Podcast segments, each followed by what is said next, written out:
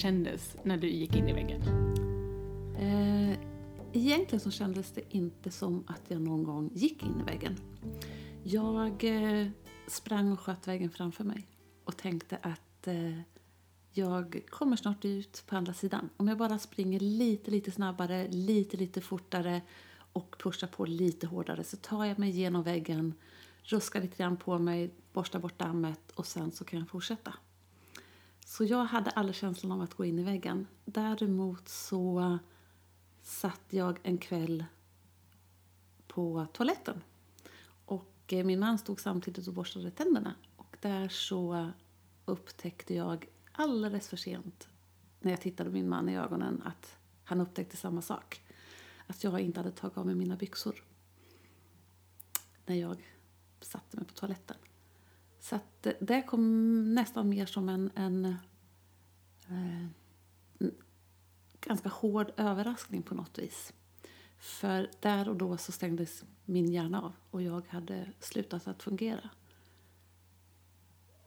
Jag hade haft ganska många varningssignaler innan som jag inte hade lyssnat på. Väldigt, väldigt många varningssignaler. Allt ifrån bältros till eh, eksem. Sv hade svimmat och sådär. Men jag bara ruskade. Mm. Det var små parenteser i livet som hände. Mm. Ända tills den där kvällen när jag satt på toaletten. Mm. Mm. Hur mår du idag? Jag mår bra, tycker jag. Men eh, jag kommer aldrig bli frisk. Jag kommer att eh, vara arbetsför, vilket jag är idag. Men jag kommer alltid ha funktionsnedsättningar som jag har fått utifrån utmattningen. Mm. Och hur många år sedan är det här? Eh, det är precis fyra år sedan som jag blev sjukskriven. Och jag var sjukskriven på heltid i tre och ett halvt år. Mm. Mm. Men hur ser ditt liv ut idag jämfört med hur det gjorde för fem år sedan? Oj. Jag vill säga att det finns nästan inte en likhet. Eh, för det första så är jag alltid i nuet. Försöker alltid vara här, där jag är. Eh, tidigare så hade jag eh, suttit här tillsammans med dig och funderat på eh, vad jag skulle göra imorgon. Eh, upplägget för nästa vecka. Och jag hade inte varit här. Jag hade inte hört vad du hade sagt. Jag hade inte känt dofter här inne. Jag hade inte känt eh, smakerna från teet. Eh, hade inte no tagit någon notis om verkligheten. Det är kanske den största skillnaden. Sen att jag idag eh, har valt att jobba. Eh, det har jag valt själv, att friskskriva mig. Och jag har valt faktiskt att jobba före att ta hand om ett hem, vilket min man gör. Och jag har också valt att jobba för att umgås med mina vänner. Mm. För att jag behöver det för att fungera som människa, känner jag lite grann.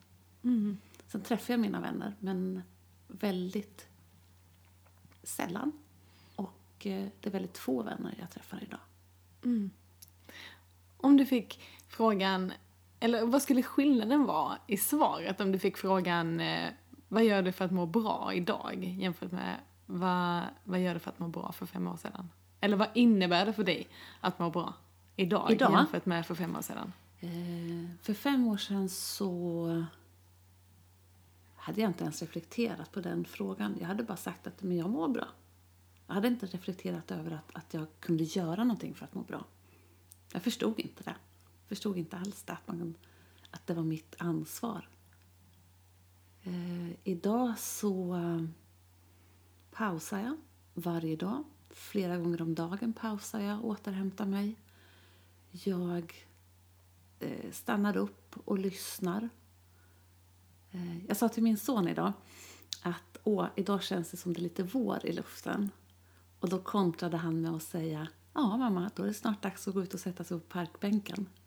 För parkbänken, det är min bänk. Där sitter jag tillsammans antingen med en tallrik jordgubbar, jag går över hela mm -hmm. stora gatan med en tallrik med jordgubbar och balanserar och mina barn säger Mamma du är pinsam. Ja, säger jag. Jag får vara pinsam.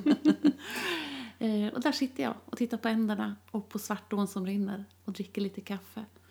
Så sådana saker gör jag för att må bra idag. Njuta av livet? Ja, det, Det är väldigt kort mitt liv. Det är kanske inte så innehållsrikt mitt liv, men det jag gör njuter jag av och jag väljer vad jag vill göra idag. Tror du att du ser annorlunda på krav och prestation? Eh, ja, jag eh, ser åh, annorlunda på krav och prestation. Det är svårt att säga. Jo, det, det, gör, det gör jag. Ja, det, alltså, det, jag gör det egentligen. Men däremot så... Jag har ju fortfarande samma driv. Så att, men jag måste stoppa mig så att jag inte presterar så mycket. Mhm, intressant. Mm. Jag kommer nog alltid ha samma inre driv som jag måste hålla i schack. Intressant. Ja, det kanske inte bara handlar om att eh, bli medveten, eller inte bara om att förändra, men att bli medveten om hur man mår och medveten om sina tankar. Ja. Eh, för allting förändras kanske inte av sig själv eh, efter en sån här resa, eller vad tror du? Nej, jag tror inte att det förändras av sig själv. Jag har ju jobbat eh, varje vecka eh, med, tillsammans med psykolog i tre och ett halvt år. Men åh, jag kommer ihåg en sak som jag sa i början. Eh, att jag önskade att jag hade övertidsersättning från Försäkringskassan för jag jobbade dygnet runt med min utmattning. Lite ironiskt sådär, men, men jag sa det att jag skulle behöva mer inkomst från Försäkringskassan för jag jobbar dygnet runt. Så att det är klart att jag, jag har eh, jag har kämpat och jag har, har haft ett, någonstans ett driv till att det skulle bli bra. Och att jag skulle utvecklas. Vad tror du var det största arbetet som du gjorde med dig själv för att eh, komma tillbaka? Acceptans. Vill du utveckla? Ja, att jag accepterade att jag hade en utmattning. Att jag accepterade att jag inte fick göra någonting annat än att vila och återhämta mig första året. Att jag accepterade att jag inte fick massa KBT-övningar och eh, strategier för att klara av stress. För det krävde jag nästan av min psykolog att jag skulle få. Och han sa bara att det behövs ingen, eh, inga övningar för att du ska vila. Det är bara att lägga sig ner och vila. Och när jag kom till acceptans över att jag var sjuk och att jag inte skulle skämmas längre och att jag inte kunde prestera mig ur det här. Då... Så att egentligen acceptansen är den största. Mm, hur såg din väg tillbaka ut? Första året som sagt så låg jag bara. Eh, och sen så vila, återhämtning. Avskärmade mig från allt. Eh, öronproppar. Eh, och sen så hamnade jag i det läget att om jag behövde öronproppar så var jag på fel ställe. Acceptans? Ja, acceptans. Att inte ta den där fikan eh, fast jag vill. Eller ville. Så att där, där... Man säger så här, jag valde hela tiden att bestämma mig för okej, jag vill göra det här. Men om jag tittar på mig utifrån så är det här inte okej att göra för mig. Och så fick jag liksom hela tiden backa. Eh, ibland så gjorde jag saker medvetet som jag visste att jag utsatte mig för. Men eh, när man är sjuk så länge så, så eh, ibland så var jag tvungen att vara olydig. Mm. Man behöver bli medveten om vad som är bra för en och vad man tror är bra för en kanske. Ja. Och att det som är roligt är kanske inte alltid det som är bra. Nej men det är faktiskt sant. Det är jättesant. Eh, det är jättemånga som tror att ja, men det ger dig lite energi va, att sätta dig på den där middagen. Nej, det ger mig ingen energi alls. Den tar bara energi. Eh, jag kan tro att det är jätteroligt men sen att behöva ligga och sova nästan dygnet runt en hel vecka efteråt visar ju att det var skadligt. Så att det, det är inte bara... När du tvingades att börja lyssna på kroppens egna och inre signaler, blev du förvånad då? Oj. eh, jag, blev, eh, ja, alltså jag blev förvånad på ett sätt. För Jag blev jätteförvånad över att, jag faktiskt hade, att min kropp faktiskt sa saker. Och att, mina, att jag lyssnade på mina egna tankar. Om jag vinklar åt det hållet, ja då blev jag väldigt förvånad. Eh, och ibland så tyckte jag att jag var riktigt klok också. men, men, men jag blev också förvånad över att, att jag faktiskt hade en utmattning när jag lyssnade åt det hållet. Mm. Eh, idag kan jag ju se det, idag kan jag förstå det. Men just då så tyckte jag att jag var väldigt svag som fick en utmattning. Idag så ser jag att, att, att det var en sårbarhet hos mig. Mm. Men jag var in, absolut inte svag, det är det sista jag var. Mm. Fast jag tyckte det då. Mm. Vad fint. Om vi backar bandet till de här äh, tidiga varningssignalerna då. Vad, vad tror du var det tydligaste? Nu i efterhand som du kan se. Och jo, det, det, det, det var när det brann i mitt huvud. När, när det var så varmt inne i huvudet så att jag inte visste vart jag skulle ta vägen. Eh, eller när jag svimmade. Och när jag fick sätta mig ner för att inte svimma. För att jag var så trött av, av sömnbrist. Jag hade led så stor sömnbrist. Så det var egentligen de stora varningssignalerna. Men då var det alldeles, alldeles för sent. Mm. Kan du se vad, vad som hände innan dess också? Och vad, eh, om du går tillbaka nu i efterhand och tittar tillbaka, hur såg tiden innan det ut? Och vad försökte kroppen säga då, om du kan tolka det i efterhand? Jag eh, gjorde ju allt. Jag hoppade på allt som fanns i mitt liv. Så att jag har, det är egentligen de, bara de fysiska varningssignalerna som jag kan se på sitt sätt. Och sen de här, den här smärtan och värmen inne i huvudet. Eh, och kroppen försökte ju verkligen tala om att jag skulle stoppa. Men, men när, när kroppen väl talade om att jag började stoppa, då hade jag redan, då hade jag redan en utmattning. Och jag hade ju säkert en utmattning i många, många år innan jag blev sjukskriven.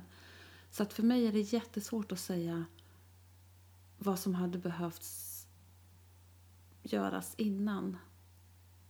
Eh, Kände du dig någonsin stressad? nej. Jag gjorde ju inte riktigt det kanske. Däremot så var jag fruktansvärt arg och irriterad på alla. Eh, skällde ut alla människor i min omgivning. Jag var inte jätterolig när jag kom in i en butik och de inte uppförde sig som jag tyckte. Eller framförallt mina barn fick väldigt mycket skäll. För att jag var så stressad. Jag hade inte tid att ta, ta, ta tillvara på deras barndom och lyssna på vad de sa. Oj, vad fint att våga erkänna det för sig själv nu. Jag måste göra det. Jag måste erkänna det och jag måste säga förlåt till mina barn, vilket jag också har gjort. Eh, jag sa länge att jag... Eh, eh, jag, jag måste säga så här, jag sa det här väldigt länge, att, att jag eh, eh, gjorde det här mot barnen. Eh, men det var egentligen inte förrän jag inför vår dotter eh, grinade som ett litet barn och hulkade och hon stod och tröstade mig som eh, både hon och jag kände att jag sa förlåt på ett sätt som hon eh, kunde förlåta. Eh, och jag måste kunna se att det här är sanningen. Det var så här. Mm. Hur Och- känns det för dig att säga den sanningen? Då när jag, när jag pratade om det tidigare så, så, så ja, ja, det var ungefär som när jag var, innan jag blev sjuk, att det bara är så här. Men idag så kan jag känna att det smärtar. Det smärtar oerhört. Eh, jag är inte bitter och jag är inte så, men, men jag får leva med det. Det är bara så.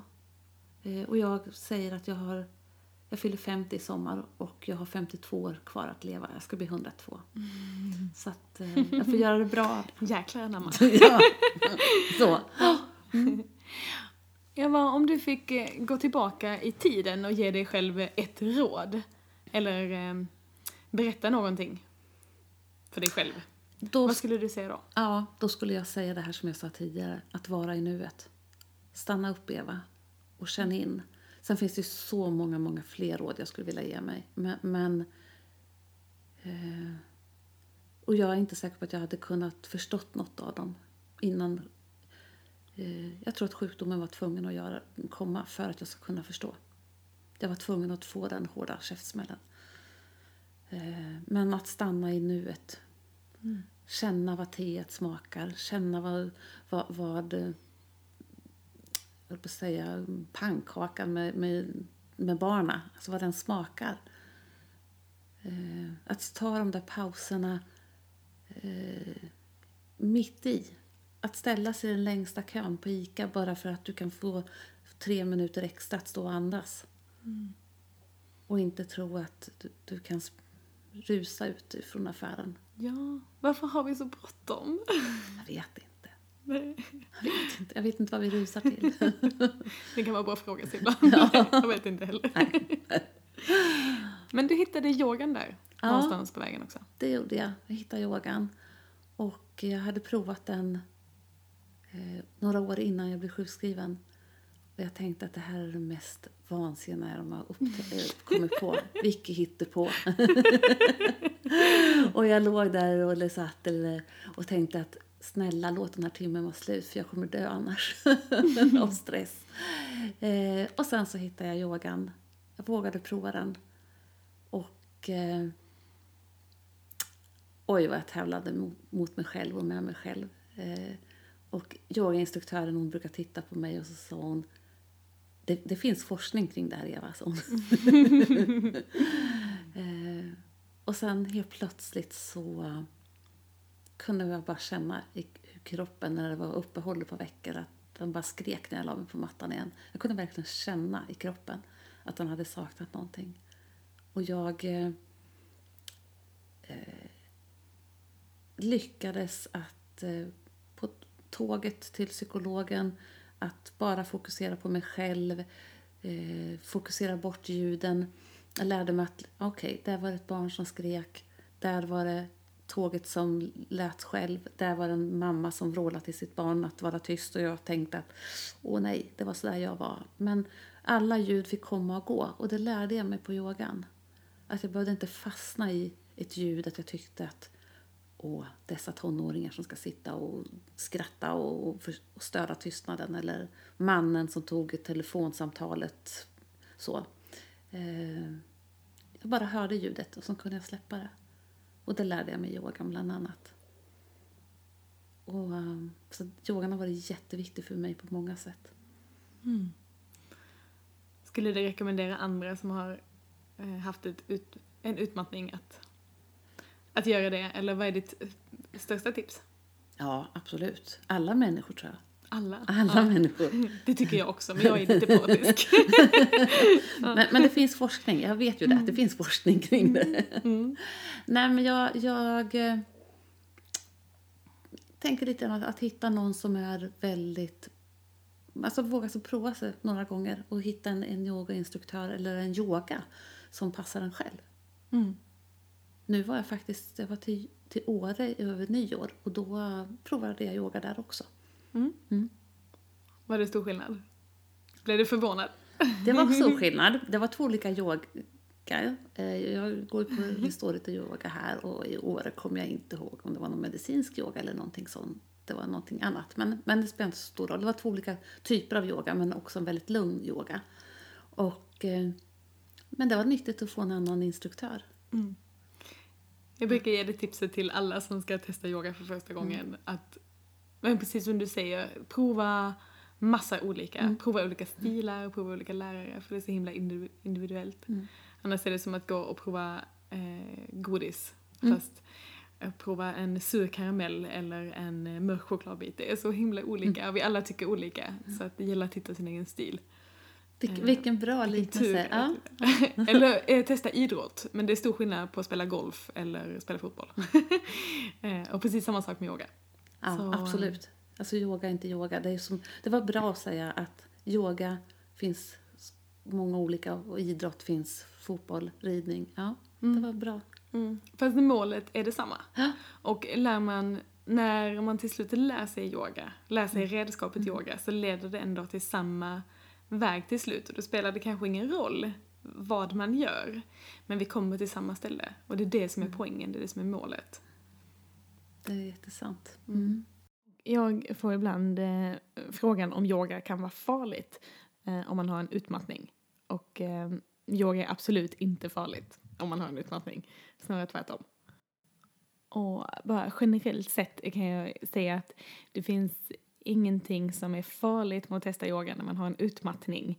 Eh, absolut inte farligt. Men det kan vara bra att eh, kanske gå till en yogaform som är mer stillsam, typ yin-yoga eller restaurativ yoga eller kanske medicinsk yoga som är eh, anpassad och inte går till de mest fysiska formerna som bikram-yoga eller eh, vinyasa, flow eller ashtanga. Eh, och huvudsyftet med yoga efter en utmattning är, är framförallt att komma tillbaka till kroppen men framförallt att lära sig att vila och lära sig att slappna av och inte alls bli smidig eller eh, öva upp eh, puls eller eh, de där andra fysiska effekterna. Eh, och precis som Eva säger så finns det forskning på yoga eh, och utmattning. Men framförallt de största effekterna har man sett eh, av eh, meditation och de effekterna som det har på hjärnan där man faktiskt har sett att eh, hjärnan kan hjälpa, eller när yoga kan hjälpa hjärnan att återhämta sig.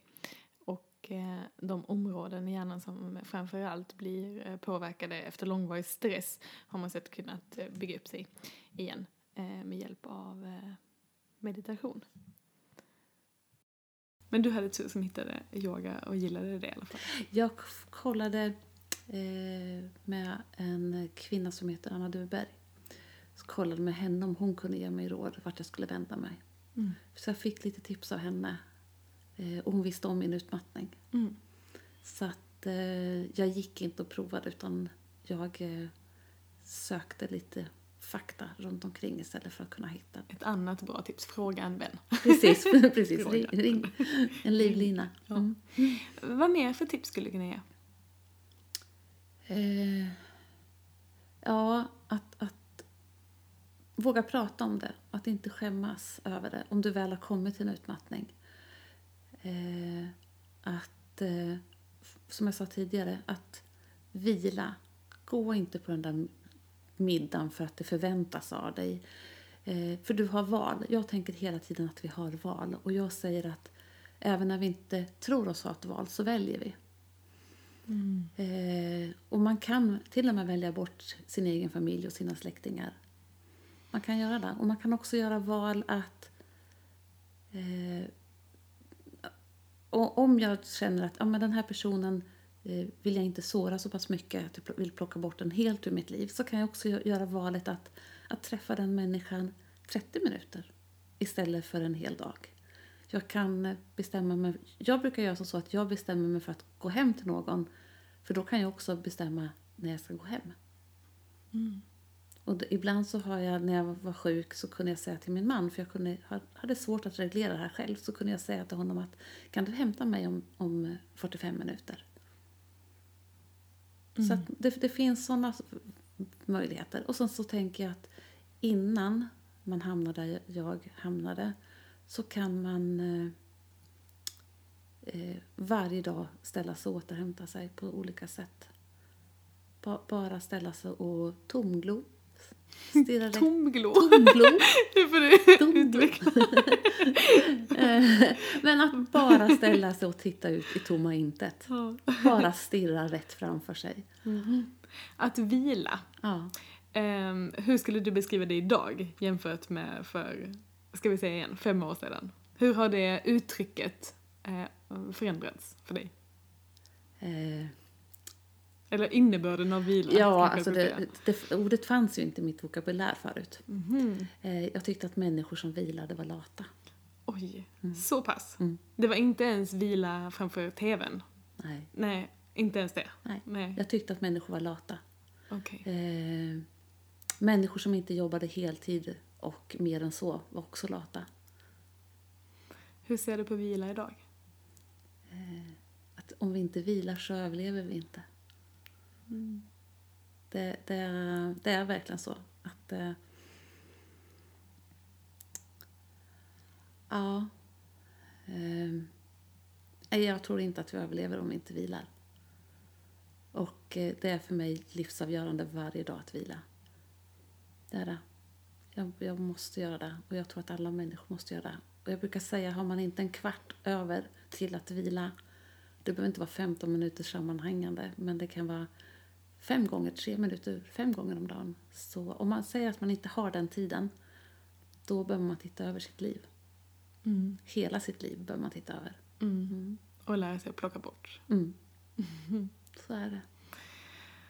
Tack. Jag tänkte att du skulle få dela med dig av dagens övning. Mm. Mm. Spännande. Ja. ja. Så Jag ger ordet till dig. Ja, Och så tänkte jag att jag kan få sitta här och njuta med då. ja, Och bara följa med. ja. Jag eh, brukar göra den här på mina föreläsningar. Jag tycker att det är bra att plocka med sig någonting eh, som man kan ha nytta av själv också.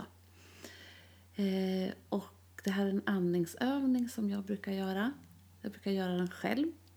Och eh, vi kommer att räkna från 1 till 5 och från 5 tillbaka. Och jag kommer göra som så att jag eh, räknar med till 5. Och sen från 5 så får man följa sin egen andning och räkna själv tillbaka till 1. Och eh, sätta sig lite bekvämt, skaka loss lite grann där röra på sina axlar. Och vill man blunda så gör man det. Annars så, om man känner sig bekväm med att blunda så gör man det. Och så börjar vi med att andas in och tänka ett.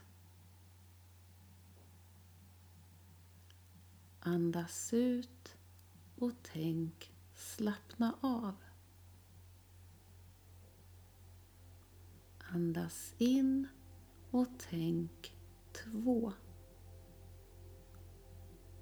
Andas ut och tänk slappna av. Andas in och tänk tre. Andas ut och tänk slappna av. Andas in och tänk fyra.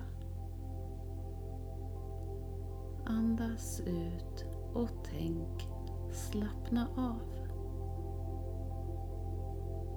Andas in och tänk fem. Andas ut och tänk slappna av. Och där så vänder du och räknar tillbaka till ett i din egen takt.